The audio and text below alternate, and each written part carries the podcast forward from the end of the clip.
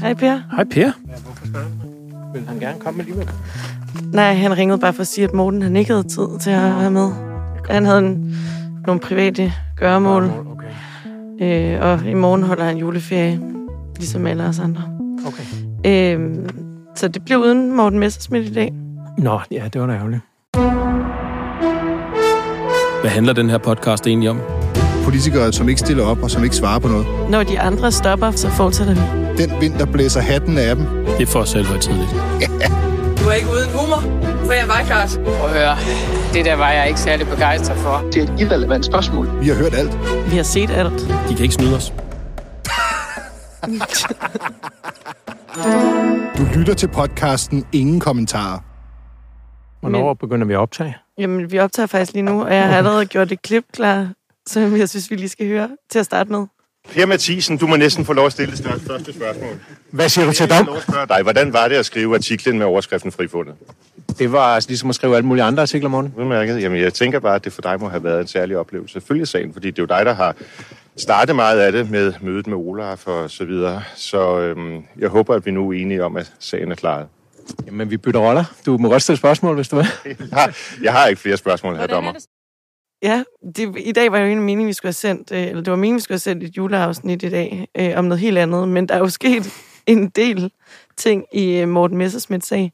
Så Per Mathisen, den omtalte journalist i klippet, vi har hivet dig ind Ja, til tak. at, at snakke lidt om, øh, om Morten Messersmiths sag. Jeg har også øh, jeg har taget en hel regnskov med. Jeg har taget øh, nærmest samtlige dagblade, der er blevet udgivet i dag. De har simpelthen den her historie på forsiden.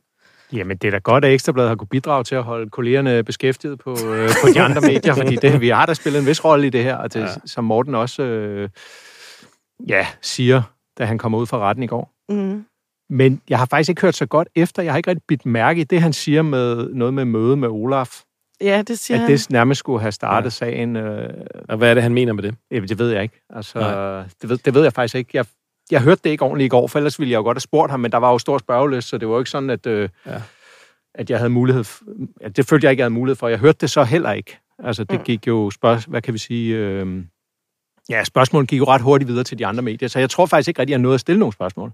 Nej, nej. nej, men der folk var jo meget interesseret i at høre, hvordan han ligesom havde det, og hvilke tanker, der gik igennem hans hoved, Ja. da byretten slog fast, at, øh, at han bliver frikendt.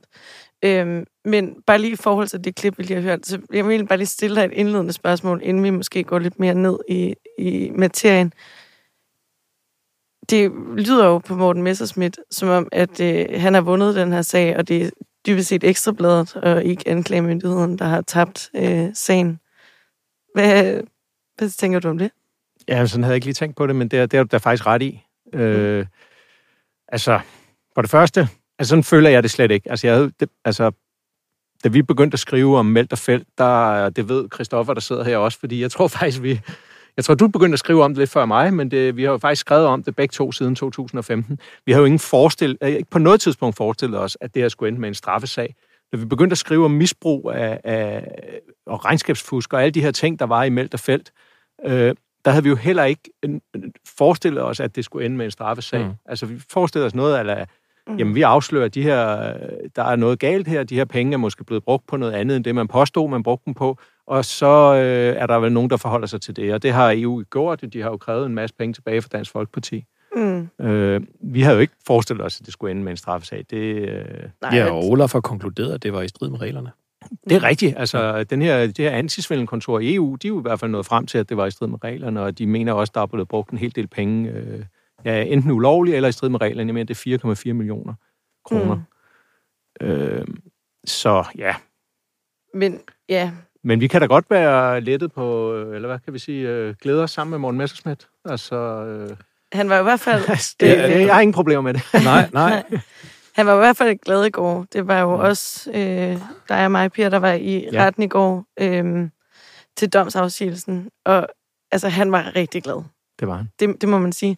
Måske ikke lige da dommen den blev afsagt. Øh, men bagefter, da, sådan, da pressen var gået ud, og du var også løbet ud og var klar til at skulle stå og stille ham spørgsmål, eller få stillet spørgsmål. Øh, og da næsten hele pressen var ude, der sad jeg inde og blev ved med at skrible løs.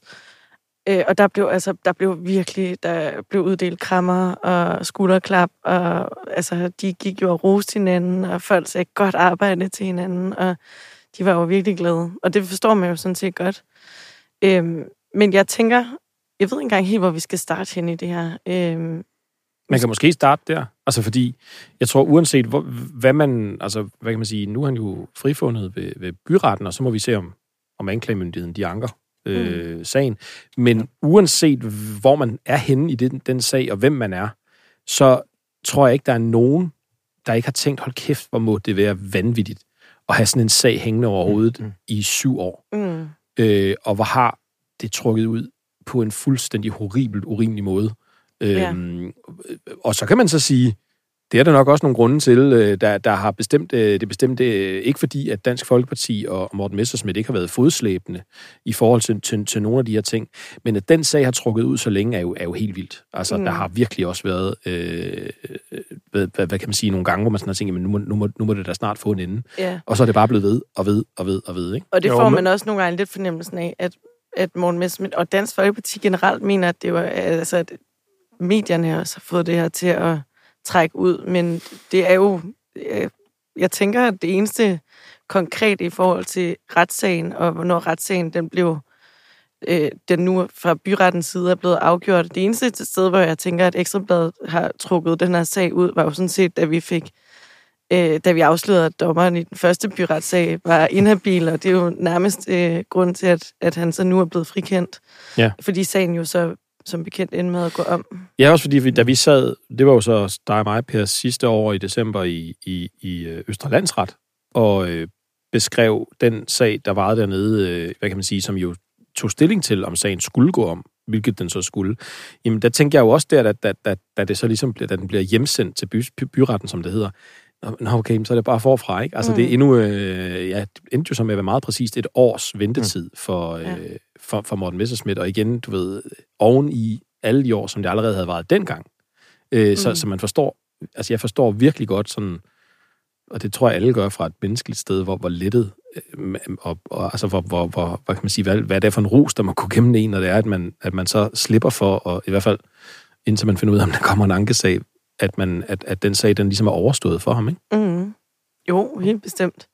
Jo, jo, men altså man kan sige, jeg tror egentlig, at anklagemyndigheden, de forsvarer sig jo faktisk med, at fra det øjeblik, Bagmandspolitiet i Danmark ligesom fik overdraget den her sag formelt fra Olaf, jeg mener, det var i oktober 19, der er faktisk ikke gået super lang tid, før der blev rejst øh, tiltaler, før sagen kom for, øh, i forhold til, hvor kompliceret sagen egentlig er. Og man, og, og mm. Mm. man kan så sige, ja, så får den det. Det er jo en, en skandale, at det viser sig, at en, en, en dansk øh, byretsdommer er inhabil.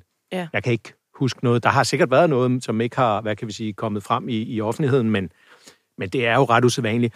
Men der har jo været nogle år, hvor os, der har fulgt sagen, det er vores indtryk, at, at Morten Messersmith og Dansk Folkeparti heller ikke har gjort noget for at fremskynde sagen i forbindelse mm. Med, med, hvad kan vi sige, Olafs øh, Ja, undersøgelse. undersøgelse. Vel, Ja. det er jo de her Mels arkiver har, jeg ved ikke, de har været flyttet lidt rundt. De har været, så har de været i klædeskab, så har de været i nogle flyttekasser, så har de været bag en advokats bil, og øh, ja, altså, Mm. jeg, altså, men omvendt kan man så sige, at man, altså, jeg ved ikke, hvor meget man har pligt til at samarbejde med, med sådan en myndighed som Olaf. Men, Mm-mm.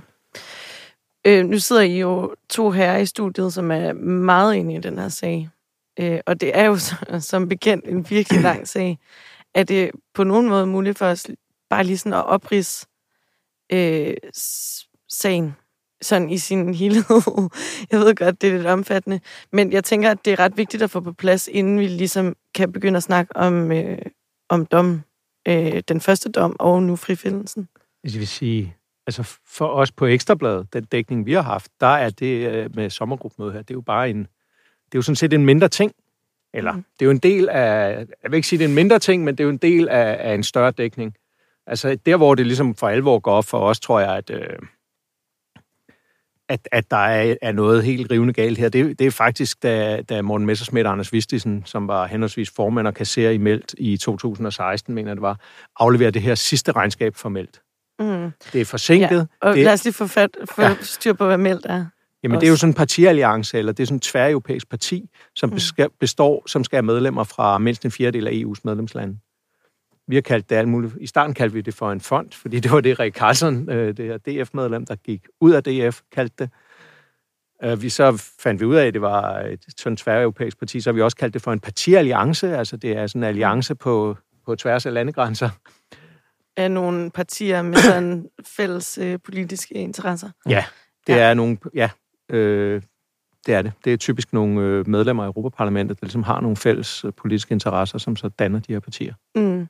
Ja, og hvad var det så tilbage til, hvad det ligesom var, I stødt på, da I først begyndte at skrive om det her? Jamen altså, den, den, det var meget dramatisk, da Rik Carlsen gik ud af Dansk Folkeparti i en pressemeddelelse, og skrev, hun sendte en pressemeddelelse til Ritzau og skrev det på Facebook, øh, at hun trak sig, fordi hun ikke kunne få indblik i, hvad pengene blev brugt til i de her to organisationer, Meldt og Felt, som vi aldrig havde hørt om før. Det tror jeg godt, jeg kan sige. Mm. Ingen danske journalister havde hørt om dem. Nej. Øh, og så, der kom nogle, bes, altså, nogle beskyldninger frem øh, mod Morten Messerschmidt der i, øh, i efteråret 15 fra Rik Carlsen. Blandt andet det her med, at hun var blevet bedt om at skrive under på falsk papir og sådan noget. Men jeg vil sige, der hvor jeg ligesom vidste, tænkte, det her, det er vildt, det var faktisk da Morten Messerschmidt, som var formand, og Anders Vistisen, som var kasser. De begge to jurister og fremtrædende medlemmer af Dansk Folkeparti. De afleverede det her regnskab Mm. formelt. Det var forsinket, stærkt forsinket. Der var den eksterne revision, som, øh, som, som skal være på, på de her partier. Det var Ønster Young, øh, ekstern revisionsfirma, kæmpestort revisionsfirma, som de fleste har hørt om. De havde jo, hvad kan vi sige, nogle nærmest sønderlemmende forbehold for det regnskab, som Morten Messersmith og Anders Vistisen afleverede. Det er jo helt vildt. Altså, det var, de tog forbehold for alt. De tog forbehold for resultatet. De tog forbehold for balancen, altså aktive og passive værdier og, og, og, og gæld. Øh, det er sådan noget, man normalt ser, hvis, øh, hvis, ja, hvis bogholderiet er brændt i en virksomhed. Altså hvis en eller anden bandit har overtaget direktørposten, sådan lige før, at, at det skal lukke og slukke, og så har slæbt hele bogholderiet ud i olietøn i baghaven, og så hældt benzin ud over del til, så vil man tro, at revisionen måske vil nå frem til, til sådan forbehold i regnskab. Ikke? Men det her, det er altså, hvad kan vi sige, øh, Mr. EU, som han kaldte sig selv i retten, Morten Messerschmidt, som har som formand, præsident formelt har skrevet under på det her regnskab. Mm. Det synes jeg var vildt. Det gjorde et stort indtryk på mig, øh, vil jeg sige. Og det var, det var sådan, jeg tænkte, der er, det, og så blev det jo sådan lige meget, hvad man kiggede på, så var der et eller andet, der ikke var, som man påstod, det var. Altså, der var øh, altså, masser af dokumenter. Øh, når, hver gang man kiggede på sådan et dokument, så stod der måske, at vi har holdt, en konference i København med Ole Birk Olsen som hovedtaler. Når man så spurgte Ole Birk Olsen, som er ham, øh, politiker fra, Dan, fra Liberal Alliance. Mm-hmm. Når man så spurgte ham, så sagde han, jeg vidste slet ikke, der var noget, der hed Meldt dengang. Øh, jeg har ikke været til nogen Meldt-konference. Jeg var øh, til et møde i Cepos, eller sådan et eller andet, og så var han Messersmith ligesom forvandlet det til en, en Meldt-konference, eller EU-konference i København, ikke? Men det kan vi jo så forstå nu, det kan man godt. Ja. Fordi, at, øh, nu ved jeg godt, de ikke har taget stilling til Ole Birk Olsen-konferencen, men konference er jo så øh, noget, der ligesom er blevet taget- særskilt stilling til i retten, og, og at der findes ikke nogen definition af konference, og derfor så har retten nu, som jeg forstår det, nu hvor jeg ikke selv sted, nu, nu, nu kan man sådan ligesom, du ved, sætte det prædikat på, på rigtig mange ting, åbenbart. Ja, det bliver det i hvert det fald. vi Men det tænker jeg, vi, vi vender ja, lidt tilbage Vi, til. vi mangler at få øh, helt den Hele fulde dommen, dom. ja. Altså, vi har jo kun det her Ja, vi har resume, sådan- vi har- domsresume. fem, fem sider. Øh, ja. Altså, ja, altså en resume af en dom på 26 sider. Ja. Øhm, men hvad, øh, ja, for sådan at afgrænse lidt, der har jo været en masse ting. Der har været øh, også indkøb af 60.000 kuglepinde, der, øh, og de der kuglepinde er aldrig blevet fundet. Der har været en masse øh, af alt muligt. Men jeg tænker lige til at starte med i hvert fald, så kan vi se, om vi vender tilbage til det. Lige til at starte med, så kan vi måske bare lige... Hvad, hvad, altså, hvilken del af hele den her sag var det så, øh, at anklagemyndigheden har valgt at rejse en straffesag på? Jamen, det var jo helt konkret på, at øh, om hvorvidt der var en EU-konference på i forbindelse med Dansk Folkepartis sommergruppemøde i 2015 i Skagen. Mm. Og der kunne man jo se, at i, i, i de, de dokumenter, der ligesom var sendt til Meldt, og de oplysninger, der var givet til Meldt, og, og så, som så var givet videre til, til EU's, øh, hvad, hvad kald, vi kalder finanskontrol, Europaparlamentets øh, kontrolorgan, jamen det var jo, at øh, Meldt havde holdt, øh, eller Morten Messerschmidt havde arrangeret en, en EU-konference op i Skagen i august mm. 2015 på det her hotel, Koller, Koller Hotel Skagen. Og der stod ikke noget nogen steder om, at Dansk Folkeparti samtidig har holdt øh, deres øh, interne sommergruppemøde der. Tværtimod kan man sige, at den deltagerliste og andre t- altså, ting, som dokumenter, som ligesom var afleveret som dokumentation for, at man havde brugt penge på det her, øh, der, der, der fremgik det, at det var, øh, hvad kan vi sige, medlem, eller hvad hedder det, deltager, som meldt havde øh, inviteret til den her konference. Der stod ikke Mm. noget om Dansk Folkeparti. Mm. Nogen steder. Nej, og der, der har jo været to forhold, der er blevet behandlet øh, ja. i, i den her retssag. Den ene del af det er sådan, selve omstændighederne øh, omkring udbetalingen af 98.000 kroner, Ja. øh, og om de ligesom har været berettiget øh, til at skulle... Det øh, er sådan set det er svindeldelen, ikke? Jo, lige præcis. Altså Ja. om de var, det var berettiget støtte til den her konference. Og så det andet forhold handler om dokumentfalsk. Ja. Ja. Men bare i korte træk, svindeldelen. Jamen, Jeg ved godt, det er... Svindeldelen, jamen det er jo det her med, jamen anklagemyndighed. Man har påstået over for EU-systemet, at der har været en konference. Mm. Det mente anklagemyndigheden ikke, der har været. Og det er sådan set svindeldelen, ikke? Man har fået 100, små 100.000 til en konference, som aldrig var blevet afholdt. Det er sådan set det, er det der står i tiltalen. Mm. Så er der dokumentfaldsdelen, det var, der var så, så at sige gerningsvåbnet, det var nogle falske, eller en falsk hotelkontrakt, hvor øh, man havde lavet en, en, en hotelkontrakt, som så ud til, at det var mellem Koller Hotel i Skagen, et hotel, og Meldt. Og Messerschmidt havde skrevet under for Meldt, som formand for Meldt, og en medarbejder, en ledende medarbejder, Jenny Nørhave i Dansk Folkeparti, havde skrevet under, som om hun var direktør for det her, eller var chef på det her hotel i Skagen. Og det var Mm. hun jo ikke. Mm. Det var så dokumentfaldsdelen. Ja. Øh, og Morten Messerschmidt er jo så blevet frikendt for begge dele. Ja, det er han nemlig. Øhm, ja, det kan være, at vi skal prøve at sammenligne de her to domme, fordi der er jo, altså, det, da, da den første byretsdom, den faldt øh, i retten i Lyngby tilbage i august sidste år, og så den frikendelse, der, er for, der lige er sket nu i retten på Frederiksberg, det er jo, altså, du kan jo tage, du kan jo tage den første dom, og så kan du, skri- så kan du tage fuldstændig modsat af det, den dom siger, og så har du ligesom den nye dom. Det, er- det er fuldstændig det modsatte, der står nærmest konsekvent i, i, ja, i de her to øh, forhold. Øh, Har du det på ryggraden, ellers har jeg det liggende foran mig? Jamen Hvad- altså, jeg har det jo... Nå, men altså... altså jamen, jeg, noget af det, jeg faktisk hæftede mig ved, det var ude i Lyngby, når man frem til, at Meldt, øh, den her partialliance, bare var en tom skal, som udelukkende var blevet opretholdt for at skaffe øh, finansiering til Morten Messersmiths øh, politiske kampagne, ikke? og Mhm. Dansk Folkepartis politiske kampagne. Her når- og- Noget, noget som, som de vidner, der blev af, afhørt eller afgav forklaring i retssagen i Lyngby jo mm. Mm. i den grad altså bestyrket, må man sige, når de sad og man, man så de her video øh, teams eller hvad hedder sådan noget, øh, ja, Afhøringer. øh, afhøringer af, af, af de vidner, der sidder og forklarer, øh, hvad de havde skrevet under på, eller ikke havde skrevet under på, og ikke, ikke forstod, hvad det egentlig var, de var medlem af. Det var, det var, en, det var en ret sådan, hvad kan man sige... Øh, Ja, hvad, hvilke mennesker var det? Ja, det var jo så de her øh, enkelte, hvad skal man sige, medlemmer fra både regionale og nationale parlamenter rundt omkring i Europa, altså i, i, i de lande, som, som, som jo så i, hvad kan man sige, meldt stødskramper, øh, da, da, da, det, da det var øh, nærmest 100% styret af, af Morten Messerschmidt, eller da han var præsident, var blevet meldt ind i, i, i partiet, ikke? Øh, mere eller mindre øh, uden, deres, uden deres vidne. Øh, Og flere af dem, der sagde, at de ikke kendte noget Ja. til det. og, og, og det, var en meget, det var en meget stærk oplevelse faktisk at sidde på, hvad kan man sige, tilhørklasserne i, i retten i Lyngby, som jeg husker det, og se det her, fordi der stod det ret klart, at okay, så det var det meldt var. Øh, men de er jo så ikke blevet afhørt i, i, i, den, øh, i, den, i, den, i den retssag, der lige har været.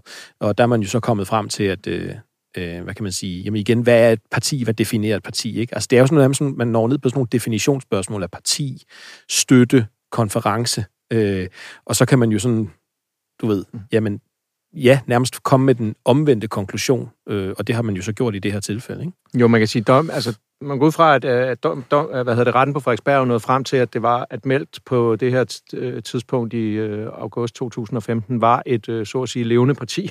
Mm. altså, øh, Mm. og man nåede også frem Det var det jo også på papiret. Ja. Mm. Ja. Det, det er rigtigt. Og man nåede frem til, man nåede jo frem til i hvert fald, at der blev diskuteret rigtig meget EU-stof, og, og, at, og det var et omfang, så den her støtte i hvert fald godt kunne, øh, øh, hvad kan vi sige, begrundes, og i hvert fald man kunne sige, at Morten Messerschmidt ikke var bevidst om, at, at, at øh, den her, det her EU-seminar ikke, øh, ikke skulle have et omfang, Mm. så det var støtteberettiget. Hvor man nåede frem til, i, i Lyngby nåede man frem til, at der slet ikke var noget. Mm. Og det sagde Mess, det var sådan set også Morten Messersmiths egen forklaring i Lyngby, det var, at der var ikke nogen sådan isoleret øh, øh, begivenhed, der kunne kaldes for en EU-seminar, et EU-seminar. Der var, hvad kan vi sige, EU-stoffet mere sådan blandet hen over de her tre dage, som sommergruppen varede. Ikke? Det, var mere, det var hans Ja. egen forklaring ude i Lyngby. Nu forklarer man, at det hele var sådan meget koncentreret om tirsdagen, nogle timer. Tirsdag formiddag i hvert fald. Så der er lidt uenighed om, hvad resten af dagen... Øh, Og det, og, det er jo, og det er jo vel også det, der sådan er hvad, hvis man skal sådan se og hæve sig op og kigge ned på de to sager ovenfra, så er det jo to fundamentalt forskellige forsvar, som der, der er kommet øh, henholdsvis i 2021 i Lyngby, og så nu her i, i, øh, øh, på, på Frederiksberg. Øh, og selvfølgelig, hvad kan man sige, også med nogle øh, nye øh, ja, vidneforklaringer og en, en lydfil, eller flere lydfiler, mm. øh, som jo ikke var, som jo ikke var øh, en del af sagen i, i, i Lyngby. Og det, og det, så det er to helt forskellige forsvar, kan man sige, ikke? Jo, Eller meget, for, ret, meget forskellige. Ja, jo, men, jo, altså man kan sige, det er jo meget mere aggressiv forsvar den her gang. Mm, Ja. Og det er jo også, øh, man kan også sige, at på en eller anden måde for, for øh, retssagen, det bliver meget sådan, øh, det bliver sådan lidt en politisk kampplads, kan man sige, fordi at, øh, det, at øh, der er ligesom de vidner, som ikke øh, længere er venner med Morten Messerschmidt, eller ikke er en del af Dansk Folkeparti, de kunne overhovedet ikke huske, at, at der var noget særligt EU-indhold på den her, øh, det her sommergruppemøde. Øh, og så er der dem, der stadig er medlem af Dansk Folkeparti, eller stadig er, er venner øh, og nære rådgivere øh, til Morten Messersmith, eller hvad man skal sige, de, de synes jo så, at der var en masse EU-stof. Øh, og det, det stod meget, øh, hvad kan vi sige, skarpt øh, over for hinanden, ikke? Ja, Øh. og det, der jo er sket i mellemtiden, det er, at Morten Messerschmidt, han er blevet formand i Dansk Folkeparti, øh, i stedet for Christian Thulesen Dahl. Øh, en hel bunke af de her folk er jo hoppet over i et parti, der også er blevet stiftet siden den sidste dom over i Danmarks Demokraterne. Der er jo sket helt vildt meget politisk øh, for, altså mellem de her to sager. Øh, og det er jo måske også det, øh, meget af det her, det, det vidner lidt om. Fordi nogle af de her folk, der rent faktisk var inde og afgive forklaring, der er jo mange af dem, der jo sådan set også har ændret forklaring fra den første øh, behandling af den her sag i Lyngby, og så til den, til den nye behandling i Frederiksberg. Hvem, hvem er det, der sådan... Øh, Jamen det er jo, ja, altså, det er Kim Christiansen, det er hende, der hedder Dorte Ulemose, tidligere medlem af, begge to tidligere folketingsmedlemmer, det er Henrik Brodersen, tidligere folketingsmedlem for Dansk Folkeparti. De er alle tre stadigvæk medlem af Dansk Folkeparti. Så er det Anders Vistisen, synes jeg også. Øh, ikke at han ikke, så at sige, var på Messerschmidt-holdet øh, sidste år i Lyngby, men han, hvad kan vi sige, han har også øh, ændret sin forklaring til, til yderligere fordel for Morten Messerschmidt. Sidste år sagde han jo, at han ikke mente, der var nogen EU-konference, men at de her penge fra Meld, det bare var et regulært tilskud til Dansk Folkepartis sommergruppemøde. Der har han jo så også ligesom ændret opfattelse nu. Og grund til det, altså de begrunder det jo med, jamen nu har de hørt den her lydfil, hvor, Messers, mm. hvor man kan høre Morten Messerschmidt øh, på tredje dagen på, på sommergruppemødet i Skagen faktisk siger, at som I jo vil vide, nu citerer jeg frit efter hukommelsen, som I jo vil vide, var vi til EU-seminar i går, arrangeret af vores europæiske parti. Noget, det er noget, sådan nogenlunde sådan ordene falder, ikke?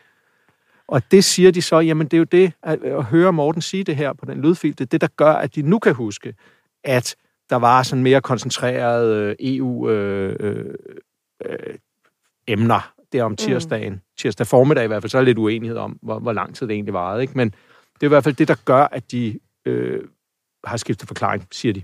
Ja, og der er måske også, øhm, hvis jeg husker korrekt, nogen, der er blevet lidt mere øh, skeptiske i forhold til, om der rent faktisk var et, øh, et EU-seminar i forhold til sidste gang. Altså nogen, der også er gået lidt mere den modsatte vej, hvor at de førhen var måske lidt mere men det, de, altså, de mener ikke, at det var det, der var til, at de måske Ja. den her gang har været lidt mere tydelige omkring, at der var ikke der var ikke er en EU-konference. Ja, der tænker jeg, at du tænker på øh, Peter Det og jeg. Christian Thulesen Ja. De, er jo- de er jo sådan lidt mere tydelige nu, ikke? Altså, Jo. Øh, og så vil jeg sige også sådan en som Martin Henriksen, han var så inde og viden, det var han ikke sidste år. Han er jo også, øh, han var måske Mm. den allermest tydelige, ikke? Mm. Jo, jo. Han sagde Øh, jo direkte, at, øh, ja, at det var det rene røvl. Og påstå, at der var en Ja. EU-konference, ikke? Eller EU-seminar. Ja, og de to er jo øh, som bekendt ikke hinandens bedste venner. Nej, og det er jo sjovt, hvordan at, at, at, at hvad kan man sige, øh, kløften i forhold til, hvordan de forklaringer falder ud, den, den, den følger en til en, øh, hvilket partibog man har. Mm. Øh, om man er medlem af DF i dag, eller medlem af Danmarksdemokraterne. Eller Ja. ikke har et parti. Fuldstændig. Ja, og så har vi jo været lidt inde på, øh, at sidste gang øh, i Lyngby, det bliver jo sådan lidt langhåret noget det her, men sidste gang i Lyngby, der, var de jo, der slog de jo fast, at der ikke var tale om konference. De endte med at slå fast der, det var, at der var givet urigtige oplysninger til Melds sekretariat. Altså, at de, øh, at, at Morten Messerschmidt, han har øh, fastholdt den her forklaring om, at der var en konference, selvom at retten fandt det ligesom bevist, at han godt var klar over, at der ikke skulle afholdes en reference. Og den forklaring havde han ligesom fastholdt. Øh, det havde han også gjort over for DG Finance, er det ikke det, det hedder, deres revisionsenhed øh, i EU. Øhm, så den, det, det er ligesom den forklaring, han har turneret med. Og det er derfor, de mener, at der er givet urigtige oplysninger. Eller det var det, de mente i Lyngby, ikke? Jo, men nu har han jo så ændret forklaring. Nu mener han jo, der var et, øh, et EU-seminar om tirsdagen, ikke? Altså, øh, men han blev, jo- altså, han blev jo også han blev jo frikendt for at have givet urigtige oplysninger til EU. Ja. Øh, han har i hvert fald ikke gjort noget med forsæt. Han har ikke gjort noget bevidst for, at- for at snyde nogen. Nej, Det er jo ligesom det gennemgående i, øh, i, i dommen ja, og der kommer fra det jo... Og det gælder jo faktisk også for den her øh, falske hotelkontrakt, Ja, som jo er et falsum, men, det, men det er ikke, den er ikke lavet øh, ifølge dommen for at snyde nogen. nej. Nej, og bare lige inden vi når hen til den, så det, det der jo så også vægter øh, for retten på Frederiksberg i den nye sag, det er jo, at der, det ligner ikke, altså i EU's reglement, der står der ikke helt klart og tydeligt, hvad en konference lige præcis er. Altså der er jo ikke noget minimumskrav til, hvor meget det skal fylde, hvad det skal indeholde. Altså der er, ikke, der er ligesom ikke noget. Nej, Der man er kan ikke se nogen dom, regler at kunne slå ned på. Nej, og dommen, altså nu kan jeg ikke huske, øh, huske det i hovedet, men altså, hvordan ordene falder i det her domsresumé, men de riser jo faktisk rigtig mange eksempler op på, ja. hvad Ja. en konference kan være. Altså vidensudveksling og... Møder og, og- temadage og sådan noget, ikke? Ja. Ja, det, det, det bliver ret tydeligt, at der er ligesom ikke nogen fast definition på en konference. Jeg må helt ærligt sige, selv hvis det ikke handler om den her sag, så vil jeg nok heller ikke kunne sige helt præcis, hvad en konference er. Jamen, så kan man jo slå det op. Det har jeg lige gjort. Har du det? Øh, hvis man slår det op i, på øh, sproget.dk, eller ordnet.dk, så øh, øh, står der, at konference er et større officielt møde, hvor deltagerne gennem foredrag, taler og diskussioner udveksler viden, erfaringer og synspunkter vedrørende bestemte emner. Det lyder som om, at dommerne på, i Frederiksberg, eller på Frederiksberg, de har slået op der. Jeg har været inde på ordnet. Mm. Det kan sagtens være. Men altså, det er vel sådan set også rimelig relevant. Altså, Ja. det, er jo, Ja, ja, det er jo lige præcis det, det handler om. Det er mm. det, han søger penge til. Mm. Det er det, han får penge til. Så det er jo selvfølgelig også helt relevant at kigge på, om det så kan være det, han rent faktisk har afholdt. Ikke? Ja, og så er der så det andet forhold med dokumentfalsk, hvor at de i, altså, i den første sag slog fast, at det var en falsk kontrakt. De vidste også godt, det var en falsk kontrakt. Og at den var blevet brugt til at få øh, penge ud af EU-systemet. Ja, Der når man jo frem til det modsatte her. Ja. At, øh, Ja, og der var dommeren, altså det er jo en enstemmig øh, domsmandsret, der har, der har besluttet at frikende ham. Øh, men på det her spørgsmål, der har der så været, det, det, de er jo begge to enige om, at der ikke har været tale om dokumentfalsk, men de har to forskellige, ja, strafbart, øh, altså med, hens, med henblik på at begå svindel, Ja. så at sige. Altså, ja. det, der, et flertal af dommerne når frem til, at det er et falsk dokument, den her hotelkontrakt. Det er tre ud af de fem doms, øh, medlemmer af domsmandsretten der, der når Mm. frem til, at det her er et falsk dokument, men det er så ikke dokumenteret, at det er lavet med det formål at skuffe i et retsforhold, eller hvad det hedder. Altså Ja. at, at begå svindel, snyde nogen. Ja. Og så er der to af dommerne, der når frem til det, nok, hvis, altså sådan som jeg læser det, øh, det nærmest er sådan lidt en fejl. At der skulle i Ja. virkeligheden, skulle, skulle den her kontrakt være indgået mellem Dansk Folkeparti og Meldt. ja, og ikke mellem Meldt og hotellet. Ja. Som at øh, det, det ligesom fremgår af. Ja. Øh, Men så kan man så sige, og det, men nu er vi jo til gode at se hele dommen, men altså, ja. Ja. jeg synes faktisk, det er meget sjovt, det de to øh, domsmænd her når frem til øh, det her mindretal. Fordi hvorfor skulle man så overhovedet lave den? mm, Altså, hvorfor skulle man overhovedet lave den her kontrakt, hvis den overhovedet ikke har haft noget som helst formål? Mm. Det er jo mærkeligt. Jeg synes også, det, altså, man må det sige, kan være, det bliver uddybet i jeg må sige, den Det kan være, vi kan læse os frem Altså for, det. for, for nu var jeg ikke nu var jeg ikke til stede, øh, da, da dommen blev afsagt, og, og, og heller ikke særlig mange retsdage her øh, under, under den, den sidste retssag. Men jeg synes, det, det, det er den del af dommen, der er det mest overraskende, fordi altså, jeg havde, altså, hvad kan man sige, det er jo også den del af sagen, der har ændret sig mindst fra, hvad kan man sige, i forhold til forsvaret fra Lyngby retssagen. Og der, der synes jeg bare, at det, der blev det jo virkelig godt gjort. Jeg ved godt, at den dom, eller dommeren blev ligesom kendt inhabil, men, men, men der blev det jo virkelig godt gjort, at det her, det var, et- det var et falsk dokument, øhm, og der står det her med, med service provider øh, for Koller Hotel Skagen øh, af, af Janine Nørhave, ikke? Øh, mm. det, det er svært at se, hvordan at man ligesom kan, kan sige, at, at det ikke er svindel. Men det er det så ikke. Øh, og det, altså, det, det er bare sådan, det er svært at forstå, uden man har læst hele dommen, men det har vi så heller ikke endnu. Så det bliver spændende. Nej, og ligesom det er jo heller ikke sikkert, at retten rent faktisk har skulle tage stilling til, hvad den ellers kan blive brugt til. Altså, de har, Nej, nej, det er jo det, og det er det der med, at det uden for enhver rimelig tvivl, at det er, at det er, at det er, at det er svindel, ikke? Og det, Mm. det kræver jo trods alt en rimelig tung bevisbyrd at kunne, kunne føre det, kunne Jamen, føre det som, som, hvad kan man sige, føre, den, føre, den, eller føre det bevis, ikke? Jo, men sådan nogen som os, der ikke er vant til, at vi er journalister, og vi dækker, har da dækket nogle retssager øh, på forskellige vis, men vi er jo ikke vant til at sidde. Nej. i retten, ligesom vores kolleger på kriminalredaktionen for eksempel er. Men altså, så jeg synes da, med, med, med, hvad kan vi sige, med den øh, begrænsede erfaring, jeg har fra retssager, så synes jeg da også, der bliver rejst rigtig, rigtig meget tvivl Mm. mm. øh, Ja. ja. i løbet af de her øh, otte retsmøder, eller hvor meget det var. Øh, Ja. Og man kan sige, det her med, at Ni, en, tror jeg, det var. Ja, ja Eller- lige ja. inklusiv øh, det i går, ja, Ja. det er rigtigt.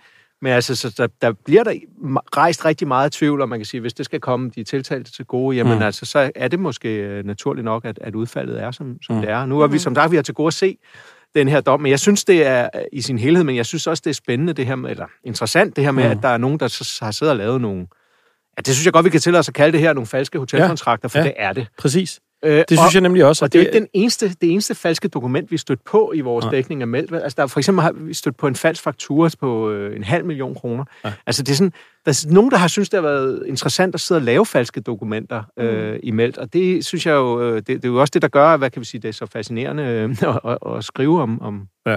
om den her sag.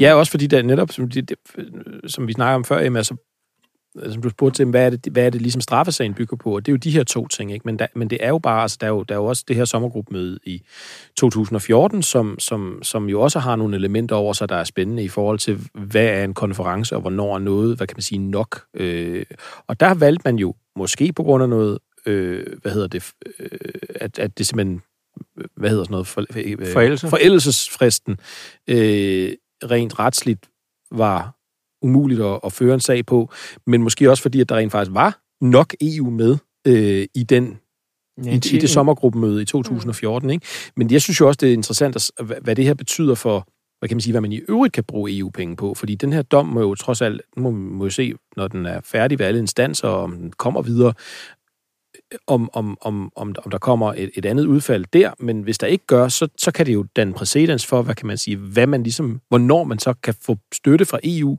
som dybest set kan øh, bruges til en konference øh, på, et, på et nationalt sommergruppemøde. Ikke? Helt sikkert. Og så kan du, så kan du søge nogle penge øh, fra et eller andet europæisk parti, og, og, øh, og, så, ho- og så holde et lille seminar, fordi det udgør en konference, må vi forstå. Og, mm. og så på den måde i hvert fald være med til at få betalt nogle hoteludgifter, øh, for eksempel på, på, på de nationale sommergruppemøder. Ikke? Jo. Fordi det er jo det, der reelt er sket her. Øh, det er jo, der, de, de her penge er jo gået til selvfølgelig øh, det her, den her, den her EU-del øh, i Skagen, men det er jo også gået til at betale det her hotel. Altså, det er jo, de, det er jo det, pengene er endt. Det er jo endt hos Kotter Hotel Skagen, ikke? Mm. hvor Dansk Folkeparti var i de dage. Og det synes jeg er jo interessant at se, okay, hvis man skal følge pengene her, så kan du, så kan du nu, hvis den her sag ligesom danner præcedens, gå ned og bede EU om nogle penge, få dem, og så bruge dem i forbindelse med de nationale partis sommergruppemøde. Og det, det var jo det, vi en troede, man ikke måtte. Ja, det var det, som alle eksperter sagde. Ja, Men før, altså- før, før, den her, før den her byretssag i, ja. på Frederiksberg. Men altså, så kan man, man, det virker som om, man kan jo gøre hvad som helst, fordi noget af det, altså nu er det jo også sådan, jeg ved ikke, om anklagemyndigheden skød sig selv i foden med den her strategi øh, i forhold til 2014, fordi noget af det, vi, vi så, det var jo også, at de dokumenter, som meldt afleveret til Europaparlamentet, øh, det her DG Finans, øh, det her kontrolorgan for, for, øh, for den konference, der skulle have været foregået i 14, det var jo også noget helt andet end det, der foregik i virkeligheden. Altså det var jo, når man så på det program, den dagsorden, som blev indleveret som dokumentation for de penge, mm, man havde Ja. brugt, det var jo fuldstændig fri fantasi. Præcis. Og det var det også i det, som 15, vi ikke? Det at tror, se der er de to, i det virkeligheden at i se de to programmer over Ja. for hinanden, Ja.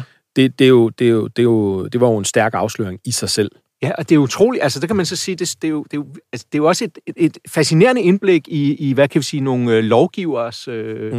mm. øh, måde at, at operere på. For det her, det er jo folk, der, altså både Messersmith, Vistisen og også nogle af de her rådgiver, de har omkring sig og sådan noget, det er jo mennesker, der godt vil præge samfundet, der godt vil have indflydelse på lovgivning, på, på regler, på hvordan vi andre skal leve. Og så sidder man altså der og, så at sige, klippe klistre og, og hvad kan vi sige, laver nogle ting, der sådan er mere eller mindre øh, fri fantasi og aflevere det som dokumentation for en begivenhed, der skal have fundet sted. Det synes jeg faktisk er, er fascinerende. Altså, udover, øh, Altså om det, det er så lovligt nok, selvfølgelig, det må man forstå. Men altså, det, jeg synes bare, det er, er, er fascinerende at få et indblik i. Ja, og jeg, jeg tror, øh, det som man nok kan sige med 100% sikkerhed, det er, at den slags øh, krumspring, eller hvad skal man kalde det, er jo må være sket utallige gange i EU-systemet, og generelt i, i Mm. de her systemer, som der måske bare generelt er lidt mindre kontrol med. Det ved vi ikke, altså, fordi det, som Meldt faktisk øh, udmærkede sig ved, det var i forhold til i hvert fald til, til nogle tilsvarende øh, partiorganisationer, det var jo det her med, det var, der var jo faktisk kun én ansat.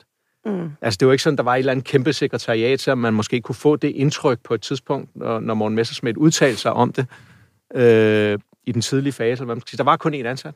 Øh, det gør det måske nemmere. Jeg skal ikke kunne sige det, men det gør det måske nemmere. Det virker i hvert fald meget øh, amatøragtigt, eller sådan, nær- sådan, jeg ved sgu ikke, sådan lidt barnligt, lidt elevrådsagtigt, at man sidder og, og, og opfinder fuldstændig fiktive ting. Mm. Altså, lave, nu laver vi så med lige en dagsorden. Øh, Messersmith tager imod klokken 7 om morgenen, eller et eller andet på hotellet, og indkvartering og sådan noget, og så ved man godt, at jamen, alle kom dagen før.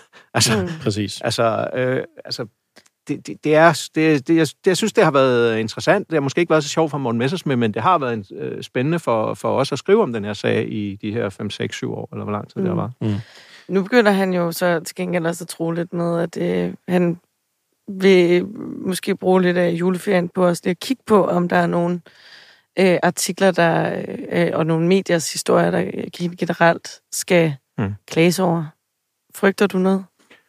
Nej, altså, det, han er, altså der, det må han jo gøre, hvis han vil. Jeg kunne synes, det kunne være spændende nok, hvis man, vi kunne lave sådan en live øh, videosignal måske, og så kunne vi gennemgå alle artiklerne. Så kunne mm. du være med, Miles, måske. Så kunne vi starte fra 15, og så bevæge os frem. Og så går alle artiklerne igennem sammen med Morten, ja. Ja. og så øh, kunne vi jo ligesom øh, diskutere alle artiklerne. Det, det, vil, det synes ja. Ja. jeg kunne være spændende, hvis han har tid her efter øh, nytår.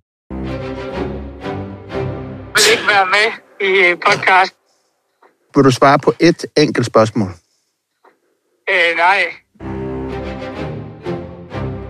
Jeg synes også, hvis man må være lidt perfid, så må man sige, at, øh, at, at, at mange Det, poli- politikere... det, det, det ligner da ikke dig. Man hører jo tit fra politikerne på Christiansborg, det ved I begge to, fordi uh, I arbejder derovre, at de, uh, de beklager sig tit over medierne, for, uh, og det er så forfærdeligt, og hvis vi ikke snart uh, tager os sammen, så er der ikke nogen, der gider være politikere. Og, ja. Altså, man kan bare konstatere, det er jo nok, altså, det er jo det eneste erhverv, eller hvad man skal sige, hvor, hvor folk står i, i den grad står i kø for at komme til. Mm. Altså, der er jo altid mange flere, der stiller op, end der bliver valgt, end der er brug for. Og dernæst kan man jo også se på Morten Messerschmidt, Inger Støjberg, Lars Løkke, andre. Altså, uanset næsten hvad de har været igennem, er meget, meget hårde sager. Der er jo ingen tvivl om, det, det, det gør Ja, ondt personligt. Jakob Engel Schmidt. Jakob Engel Schmidt. Men de kan jo ikke holde sig væk, jo. Nej. Altså, Jakob Engel Schmidt, som var ude af politik, jamen altså, han, nu er han tilbage, nu er han kulturminister. Øh, Præcis. de, altså, det må alligevel være meget attraktivt og spændende at være Jo, og det toppolitiker. er, er det og, ikke og, også det jeres er, og det er også... Jo, det, det kan det er det, der, det er det, og, og så kan det godt være, det også er benhårdt, og det, det, det betvivler jeg sådan set ikke, men, men det, er jo, det er jo tydeligt, at det er jo, det er jo også et erhverv, og, og vi er jo et, et meget tilgivende samfund. Vi er øh, protestanter af Guds nåde. Øh, der, og det har vi også talt om før, tror jeg, at, at, at det her med, jamen, ting bliver glemt. Du kommer mm. videre. Troels Lund kom videre fra, fra, fra skattesagen mod, mod, mod Helle thorning Schmidt. Jakob Engel Schmidt kom videre fra sin narkokørsel. Øh, Lars Lykke kom videre fra sin, sin, sin bilagssager. Øh, og, og, og sådan kan man jo blive ved, faktisk. Øh, det, der skal faktisk utrolig meget til, før at danskerne og vælgerne dømmer dig be- bestandigt ude. Ja, der er jo politik. ikke rigtigt, om, om man- dem, der først ligesom har været op og, og, og snuse til magtens sådan øverste tænder, eller hvad man siger, behøver de jo ikke engang have. Jakob Engel Schmidt var jo ikke, Mm. øh, han var hvad, sådan en slags højt betalt kommunikationsmedarbejder, tror jeg, han betegnede sig selv, da han var i Venstre, hvad han nu det hedder. Mm. Men altså, de, de, tag, sådan, tag sådan en som Søren Pind, der er jo gået ud af politik. Han kan jo så heller ikke rigtig holde sig væk, vel? Altså, han blander sig i politik hver eneste dag på de sociale medier. Altså, så det er jo... Altså, Ja. det er ligesom, de kan Ja. ikke slippe det, så, så Nej. forfærdeligt er det jo nok ikke. Ja, jeg tror, jeg har lavet sammenligningen i det her program tidligere, men det gælder fandme også mediechefer. Ja. De kan jo... Det er de værste de jo, kan det er jo mediechefer. lave lort. Nej, men de kan jo lave lort på lort. Vi har selv haft en chefredaktør, der har været dømt for noget ret alvorligt, som han har gjort øh, ja. i, en, en dag i sit journalistiske Som ikke er Poul arbejde. Madsen, Som ikke er Poul Madsen. hvad vi ved ikke. Men øh, ja, det er måske sådan en generel ting, at når man først rammer et eller andet niveau, så overlever man ret, øh, ret nemt. Ja, mediechefer og, og toppolitikere, ja. Flyder ovenpå. De flyder ovenpå. Det eneste, der virker som om, hvor der ikke er nogen tilgivelse, det er jo nok, øh, men det, det er jo selvfølgelig så forholdsvis nyt, det er MeToo-sagerne, ikke? Altså, Jo, den er svær. Og dog, Ja, men altså, jo, så Frank Jensen var inde på. Christiansborg på valgaften, så vidt jeg husker. Han må være blevet men- inviteret, men Ja, men det er vel ikke, det er jo ikke det samme som, det er at ikke man det samme som nej. at få en... Altså øh, det der med at, at få, at få, at få post. oprejsning efter en, øh, efter en sådan en sag, det er, det, det er, den er hård, ikke? Jo. Og det er den jo, ligesom, det er ligesom, det er ligesom sådan på en eller anden måde blevet, fordi sådan tror jeg ikke, det har været tidligere i Danmark for eksempel. Der har vi igen også været meget sådan eftergivende på de der, på de der sager, sådan historisk set, tror jeg, når der har været noget, ikke? Øh, sådan nogle græmsesager og sådan noget der. Men der er det jo blevet sådan lidt, der er det blevet sådan på en eller anden måde en global, et globalt kodex for, hvornår noget, når du, når du ligesom har trådt over, trådt, trådt over grænsen, så er du ude. Mm. Altså, så, så er det Kevin, Kevin Spacey-doktrinen, ikke? Så er, du, så, er det, så er du bare færdig. Og det, det må man jo Altså, sige, det, så det må man jo sige jo også har været er gældende for Frank Jensen og... Øh, Det er det, det, er det. Nestorff. Ja, vi er bare af en helt Det anden Ja, det er vi, men altså, Nå, men- nej, men- konstatere men- økonomisk... ja, Ja, men- hvornår er du færdig? Altså, Morten Messerschmidt, må sige, han er så også blevet... Nu er han blevet frikendt. Han er blevet frikendt, han er blevet renset. Det er også... Øh, det, det, og det i sig selv er jo vildt. Det er også derfor, han er på alle forsiden i dag. Det er vildt, at en sag, øh, hvor at der, hvad kan man sige, har været så mange afsløringer, øh, så mange eksperter, der har udtalt, at det var mod reglerne, at det var svindel, at det var dokumentfalsk. Øh, en byretsdom, der har konkluderet det, øh, som en, en, en, en inhabil dommer, og så nu øh, simpelthen en, øh, hvad hedder det, fuldstændig 180 graders øh, revers på den sag. Det er, det er, det er øh, helt Det vildt. Altså, der er jo, han er selvfølgelig frikendt for, for straffesagen her, men det er Ja. jo alligevel påfaldende, at altså, nu sidder han, han er partiformand, og der er de penge, hvad hedder partistøtte og gruppemidler og alt muligt andet, det vælter jo ind over partierne på Christiansborg. Så nu sidder han kunne ikke finde ud af at, lave aflevere sådan bare et regnskab for sådan en lille butik som øh, Meldt, Nej. øh, som, som bare var sådan nogenlunde, vel? Det var jo et frygteligt regnskab. Mm. Øh, og, men altså, så man kan jo godt komme tilbage, selvom man ligesom en gang har vist sig øh, inkompetent i forhold til, øh, hvad kan vi sige, at have med andre menneskers penge at gøre. Det er ikke noget problem i Danmark. Nej, og nu er vi venter vi jo nu venter vi så på, øh, at anklagerne tager stilling til, om de vil anke den her dom. De har taget sig betænkningstid.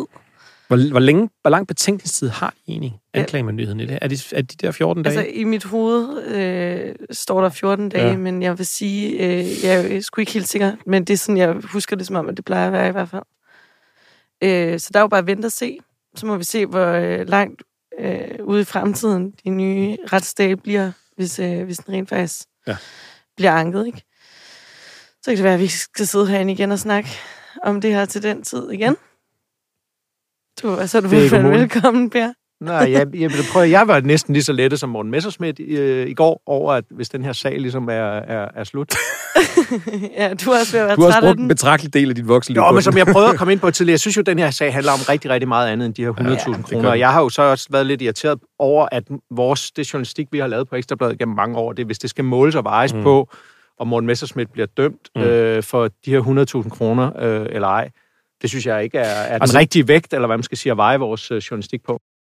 Øh, jeg står der, falder i, i snak med nogle journalister, som vælger at give mig øh, en øl. Og så tænker jeg, så kan jeg også give en, en øl tilbage. Og der er det jo så øh, dagen efter, at jeg tænker, ej, det er simpelthen for fjollet. væk fra julenissen Morten Messerschmidt og videre til Visenæsten. jule... ja, vise over nissen øh, ja. Jakob Ellemann. Nej, men det er jo... Som er en fup-post. Ej, ja, okay. Ja, Ja, dog, det, ved jeg, det ved jeg ikke helt. Nej. Den er i hvert fald sådan det. rimelig godt betalt. Så Jo, jo, helt- den er mega godt betalt. Ja, den er jo, du er jo helt op på niveau med øh, finansministeren, ikke? Jo, Og, Det og, og, og det vil sige, du, du ligger sådan mellem, mellem en almindelig minister og, og statsministeren på omkring 1,5 om året næsten, ja. faktisk. Og som, hvad kan man sige, vi har jo forsøgt, dig og mig, at få svar på her i løbet af den seneste uge, er det jo snart, Ja. på hvad, hvad betyder det egentlig, at han er vicestatsminister? Ja, og det er jo simpelthen fordi, at der, der, altså, den uge, hvor der kom ny regering, og de nye ministre blev udpeget og sådan noget, Ja, den dag. det, ja, ja, det var jo over nogle dage, Ja. altså den nye regering, altså ministerne. Men jeg havde ferie den uge. Gik og lavede køkken derhjemme, eller gik og rev køkken ned. Øhm, og news kørte, og der var simpelthen bare på et tidspunkt, hvor... Øh, ja, og jeg, jeg har bare ikke glemt det, det citat, hvor øh, jeg sad så TV2 News, og han bliver, Jacob Ellemann, han bliver spurgt, hvad, øh, hvad ligger der egentlig i den her post som visestatsminister? Om så siger han, at der ligger noget signal i det i forhold til statsrådsrækkefølgen. Altså mm. række, øh, hierarkiet over, hvem der bestemmer.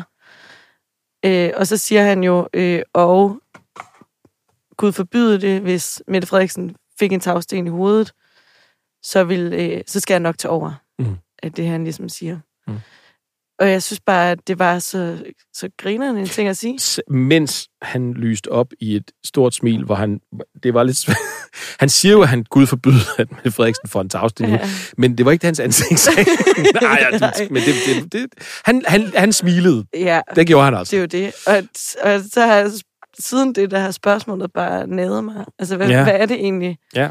der skal, hvad er det egentlig, der sker, hvis Mette Frederiksen, hun For en tagsten. Gud forbyder det, for en Lars Lykke var jo engang lige ved at få en tagsten. Jamen, det ved jeg godt. Det har jeg skrevet i mit udkast ja, til nå, min artikel. Okay, ja, vi har begge to skrevet udkast til den samme artikel. Det er lidt sjovt. Men jeg, kan du huske det, er klip? virkelig Kan du huske det der klip? Jeg, kan, jeg har siddet og set det flere gange Ja. i dag. Hvor den, hvor den der tagsten falder ned lige bag ved Lars Lykke, inde i, jeg tror, det er nærmest nede ved Justitsministeriet. Ja, ja, ja. Og det er jo sådan noget to Øh, dage før valget, og det er jo ja. vel at mærke, mens han stadig er Og det er jo den der kliché, man det er siger. den kliché. Altså, det, er, det var jo simpelthen så pudsigt. Og Ja. det er jo så, øh, det, udover det er noget, man siger øh, jævnligt, så var det måske også øh, årsagen til, at det lige netop var den, det billede, som Jacob Ellemann han brugte, ja. øh, brugte i, igen i den Og- her forbindelse. Ja, Men- når vi har jo så forsøgt at få svar fra statsministeriet Ja, og statsministeren. og statsministeren og forsvarsministeriet, fordi. Ja. at du skrev til statsministeriet allerede i fredags, Ja, tror jeg nok. ja, det var faktisk... Øh, ja, Og- det var, og- mens jeg sad på en bar. Ja. Og nu, så var jeg sådan, nu, Hvorfor ikke? nu er det simpelthen nu. Researcher man bedst. Ja, ja det er det. Og, øh, og det, ryk, det har vi rykket på her i løbet af emnefældet, der bare hed Tagsten. Ja. Og så, Ja, det har vi nemlig. Øh, nej, men og, ja, og de, de vil simpelthen bare ikke, de vil simpelthen bare ikke røre det. når der kom ikke noget svar, ligesom, og, og, og vi forsøgte så, jeg forsøgte faktisk tirsdag morgen, da øh, Socialdemokratiet var til gruppemøde, at fange statsminister Mette Frederiksen på det her spørgsmål, mm. Og sige, jamen, din, din vice statsminister siger, at hvis du får en tagsten i hovedet, så tager han over. Er det rigtigt forstået? Mm. Og så gik hun bare forbi. Det gad ja. Hun ikke svare på. Og, Men jeg synes, jeg, grunden til, at jeg sådan, synes, at det blev lidt mærkeligt, er fordi, at det er jo sådan set, altså hvis man sådan fraregner det politiske og selve metaforen omkring tagstenen, så, øh, så burde det jo være totalt ufarligt at forholde sig til. Ja, det handler jo netop. dybest set bare om noget så kedeligt som en redegørelse af statsrådsrækkefølgen, ja. og hvem, hvad er det, hvilke procedurer jo, ja, er det helt, men, helt konkret, det er, der træder i kraft. men det, det jo dybest, dybere set handler om, det er, hvem bliver statsminister for, du ved, for real, når, når og hvis Mette Frederiksen bliver ude af stand til at, at være statsminister. Præcis. Og der svarer statsministeriet så, uden at svare helt konkret og, og lavpraktisk på, den, red- på hvad, hvad, hvad, hvad kan man sige, pro- procedurerne er, at øh, det øh, vil de ikke svare på, for det handler om forsvarsministerens udtalelser, altså Jacob Ellemanns ja. Udtalelser. Og der var bare lige sige, at jeg spurgte altså ikke ind til udtalelserne, jeg spurgte ind til proceduren. Ja. ja. Og der synes jeg bare, det er sjovt, at de ikke vil sige noget. Nej. Og det, man har, som flere eksperter jo også hæftede sig ved, da han sagde de der ting, det er jo, at det, det, det du kan lige så godt kalde dig selv, jeg tror, øh, Hans Engel har sagt, øh, kejseren af Kina. Altså, Ja. fordi, fordi det at, at, at være visestatsminister betyder ikke noget sådan rent formelt juridisk, øh, statsrådsretligt Mm-hmm. øh, i, øh, i Danmark. Altså, det, det betyder ikke, at du er øh, altså, du er ikke vicepræsident som i USA, hvor du så automatisk bliver, bliver, bliver, bliver, bliver øh, hvad hedder det, sådan præsident indtil, mm. indtil det næste valg. Øh, i, i, i, i, der, der skal jo stadig være en, hvad kan man sige, en parlamentarisk øh, mandatlogik bag, at du kan være statsminister. Ja. Og derfor spurgte vi jo så Forsvarsministeriet, som blev henvist til. Jeg har svaret klar her. Ja. Hold på hat og briller. Ja, nu bliver, nu bliver det Nu hæsblæsende. kommer der noget sexet. Det er første gang, at der i Danmark er udpeget en egentlig visestatsminister. Visestatsministeren vil som nummer to i statsrådsrækkefølgen automatisk blive fungerende statsminister, hvis statsministeren permanent bliver helt ud af stand til at træffe de fornødne beslutninger vedrørende regeringen. Den fungerende statsminister vil i den forbindelse skulle rådgive regenten i forbindelse med dannelsen af en ny regering. Ja, præcis. Og, og Så det, der dybest set står, det er, at øh, ja, Jacob Ellemann, du får roret, men du får det i en meget kort periode. Øh, og det er dybest set egentlig bare til at rådgive dronningen om, hvem der skal være den nye Ja, statsminister. Du skal styrelsen bare hjælpe dronningen med at udpege en, Peter Hummelgaard til at være, eller Nicolai Vammen til at blive. Ja. ja. Fordi at, at Det det er så, formentlig at det Ja. er jo det, der vil... Øh, vi ved selvfølgelig ikke, hvad der vil ske i, i SMV, Internt. øh, hvad hedder det, blokken, øh, som jo er en flertalsregering nu, hvis at, at, at det øh, frygtelige skulle ske, at Mette Frederiksen ikke var der til at være statsminister mm. længere. Men hvis man går tilbage i historien, vil det ty- typisk altid være sådan. Det så man også dengang, hvad hedder det, øh, Lars Lykke tog over øh, fra, øh, fra få, Mm. at så vil det jo være øh, den, hvad kan man sige, næstkommanderende i det største parti, øh, som, eller den person, der så står til at blive formand i det parti, som også tager over øh, på statsministerposten. Og, øh, og det, man skal lægge mærke til der, ja, i det citat fra Forsvarsministeriet, det er jo det sidste af det, nemlig at øh, han skal hjælpe regenten, eller assistere regenten med at danne en ny regering. Og Mm. ikke så meget, at han bliver fungerende statsminister, fordi det, det, det vil nok... Altså, der skal så tydeligvis, kan man så læse ud af det der, dannes en ny regering Ja. øh, eller i hvert fald tage stilling til en ny regering på den anden side af øh, statsministerens afgang. Ja, og det er jo ikke fordi, at statsministeriet automatisk ryger over til Jakob Ellemann som vice statsminister. Nej. Øhm, hvis ulykken skulle være ude. Jeg har siddet og kigget lidt på øh, tidligere statsministre, Mm. der, der er døde i embedet. Mm. Det er sådan lidt dystert. øh, Vi skal måske er- lige understrege, at Det der der er Ekstras nye True Crime podcast. Vice statsminister. Så er hvis der skriver et testamente til Mette Frederiksen, ja. og vi håber selvfølgelig ikke, at hun får en tagsten eller noget som helst andet i hovedet. Øhm, men der er to andre, der er døde. Ikke er det en sund fornuft. Nej, nu skruer vi op for idiotknappen. Det har vi hørt nogen beklage sig over hos os. Øhm, Nå, Ja, vi har en idiot vi har en idiotknap, idiotknap, og den, er til på, at den på. skruer vi lige op på 11. Her lige inden jul. Nej, undskyld, Nej. Emma, jeg afbryder dig. Ja, jeg, det er bare, jeg har i hvert fald kun kunne finde to, øh, der er døde, øh, mens de var statsministre. Ja. Øh, jeg tror, det, vi er tilbage i 55 og i 60, tror jeg. Er det Hedtoft?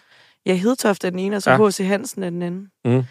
Øhm, ja, og men problemet i forhold til at skulle sidde og kigge på, hvad der tidligere er blevet gjort, Mm. det er, at de begge to har siddet i en ren, altså en etpartiregering. Ja. Ren socialdemokratisk regering. Ja, så er det sgu lidt svært. Så er det, så er det ret lidt svært let, at sammenligne. Ja, men det er svært at sammenligne. Ja. Øhm, ja, vi jagter jo stadig en, der... Ja, fordi så skal du, så, så skal du, vi, ja, vi jagter ligesom en øh, ekspert, der men altså, der, der har været nogen ude ligesom at sige, at, at det, Det, det, Det- går ikke.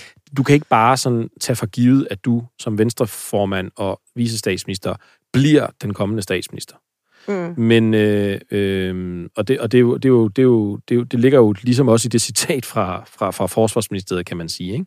Mm. Øh, og, og derfor synes jeg jo, det er selvfølgelig, fordi det, det, det eksempel, der i hvert fald er i nyere tid, det er det her, hvor man ser i en flerpartiregering, det var en VK-regering, hvor få går af, jamen så går den videre til, til Lars Løkke. Ikke? Jo. Men der tror jeg så teknisk set også, at han var, var han ikke finansminister på det tidspunkt, hvor han, hvor han, øh, hvor han så faktisk bliver statsminister. Så han var nummer to i statsrådsrækkefølgen. Så du kan sige, det taler jo så lidt for, at det kunne blive, øh, hvad hedder det, øh, Jakob Ellemann. men det, der var med VK-regeringen, var, at der brugte de også termen, selvom de siger det første gang, der udpegede en vicestatsminister, så brugte de også termen, i hvert fald om Ben Benson.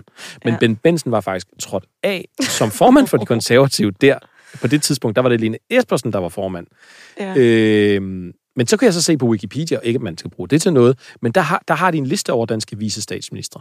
ja, ja, men det har de. Og den er sådan Men lidt, det, men det er også er jo- over uformelt. det er uformelt. uformelle Men jeg kan huske, at, at Ben Benson, der brugte, man brugte den term dengang om Ja. ja. ham, men det har jo ikke været formelt, og det er jo så, det, det er nok blevet gjort lidt formelt nu. Jamen, det er, det er i hvert fald øh, formelt på den måde, at det øh, fremgik af den presmeddelelse, Åh, der blev sendt ud af statsministeriet. Nå, Okay, ja, Søren øh, Gregersen, der producerer i dag, han bliver ved med at fortælle mig i øret, at øh, vi snakker i lang tid i nu dag. bliver det for langt. Øhm, og jeg tænker sådan set også, at vi skal lade julefreden sænke sig lidt, og Lidt. en lille smule. Men øh, ja, nej, jeg har ikke mere at sige. Nej, det er heller ikke.